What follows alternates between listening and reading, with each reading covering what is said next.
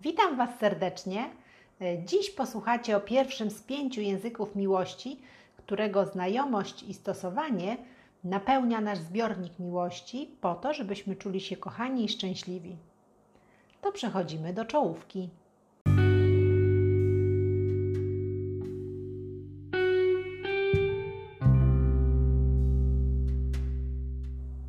To jest podcast Pięć języków miłości, a to jest odcinek pod tytułem Afirmujące słowa.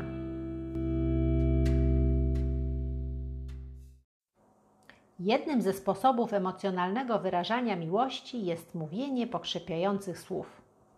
Salomon, autor mądrości z hebrajskiej księgi przysłów, pisał: Życie i śmierć są w mocy języka. Niewiele małżeństw wie o potężnej sile afirmujących słów. W innym zaś miejscu Salomon zauważył: Smutek przygnębia serce człowieka, rozwesela je dobre słowo. Bardzo silnym środkiem wyrażania miłości są komplementy, czyli słowa uznania. Najlepiej, jeśli pozostają proste, bezpośrednie i afirmujące. Na przykład, ależ elegancko wyglądasz w tym garniturze. Albo, nigdy jeszcze nie wyglądałaś tak pięknie jak w tej sukience. Albo, gotujesz najlepsze kartofelki na świecie, pychota, Jestem pod wrażeniem, jak pięknie pozmywałeś dzisiaj naczynia. Słowa otuchy.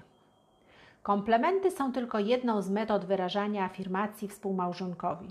Inny dialekt stanowią słowa otuchy. Wlewanie otuchy do inaczej to inaczej dodawanie odwagi.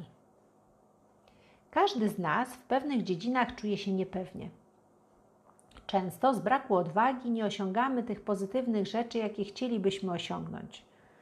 Być może ukryty potencjał w sferach, w których Twój partner czuje się niepewnie, czeka na Twoje słowa otuchy. Większość z nas nie wykorzystuje pełni swojego potencjału. Brakuje nam odwagi.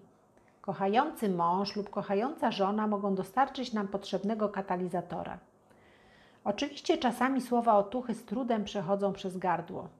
Być może nie ma ich w Twoim podstawowym języku miłości, a nauczenie się języka drugiego wymaga znacznego wysiłku, zwłaszcza gdy masz nawyk krytykowania i potępiania.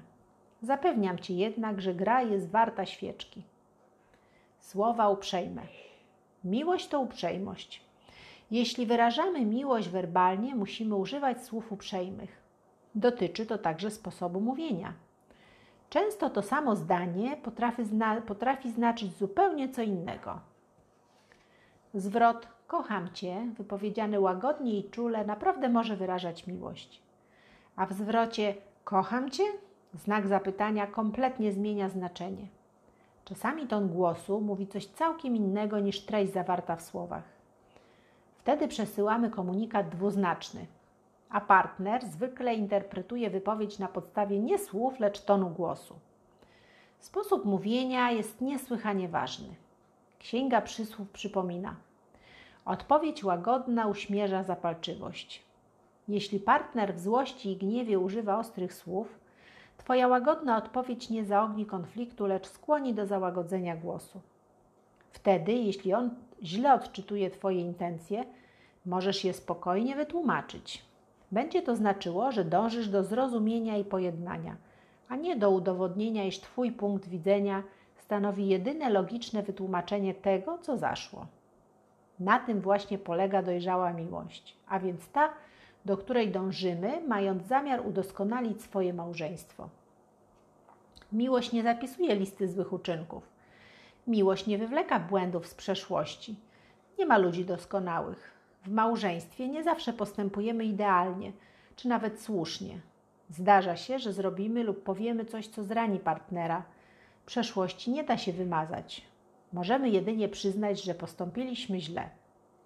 Prosić o przebaczenie i starać się poprawić w przyszłości.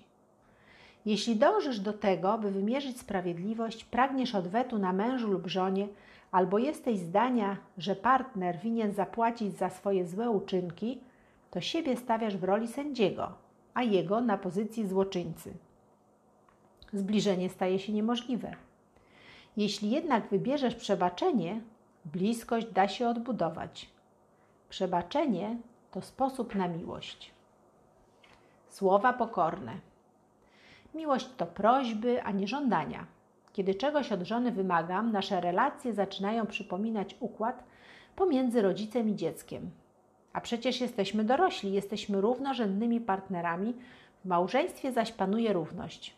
Oczywiście, że daleko nam do ideału, ale mamy jednakowe prawa. Jeśli chcemy rozwijać bliskie relacje, musimy znać nawzajem swoje pragnienia. Aby kogoś kochać, trzeba wiedzieć, na czym mu zależy i czego pragnie. Niezmiernie ważny jest jednak sposób wyrażania tych pragnień. Wysuwając tylko żądania, tracimy szansę na bliskość i zniechęcamy partnera. Lecz jeśli swoim potrzebom i pragnieniom nadajemy formę próśb, to nie stawiamy ultimatum, tylko podsuwamy wskazówki. Różne dialekty. Afirmujące słowa to jeden z pięciu podstawowych języków miłości. Ma on jednak wiele dialektów. Kilka z nich już omówiliśmy, a istnieje ich znacznie więcej.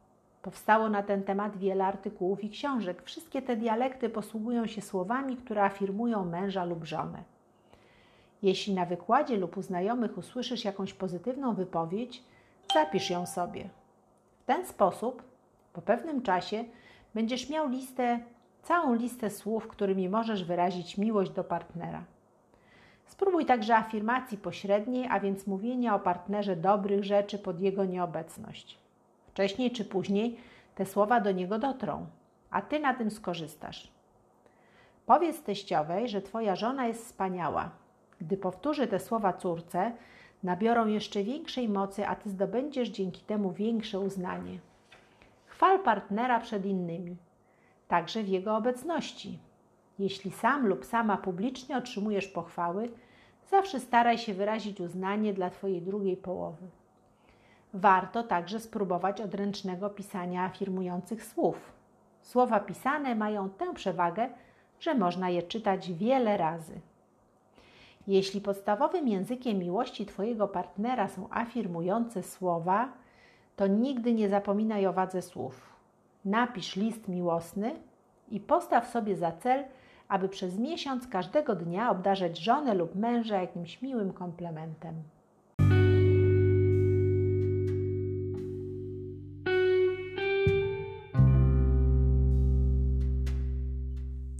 Ściskam Was, pozdrawiam serdecznie i do usłyszenia już jutro.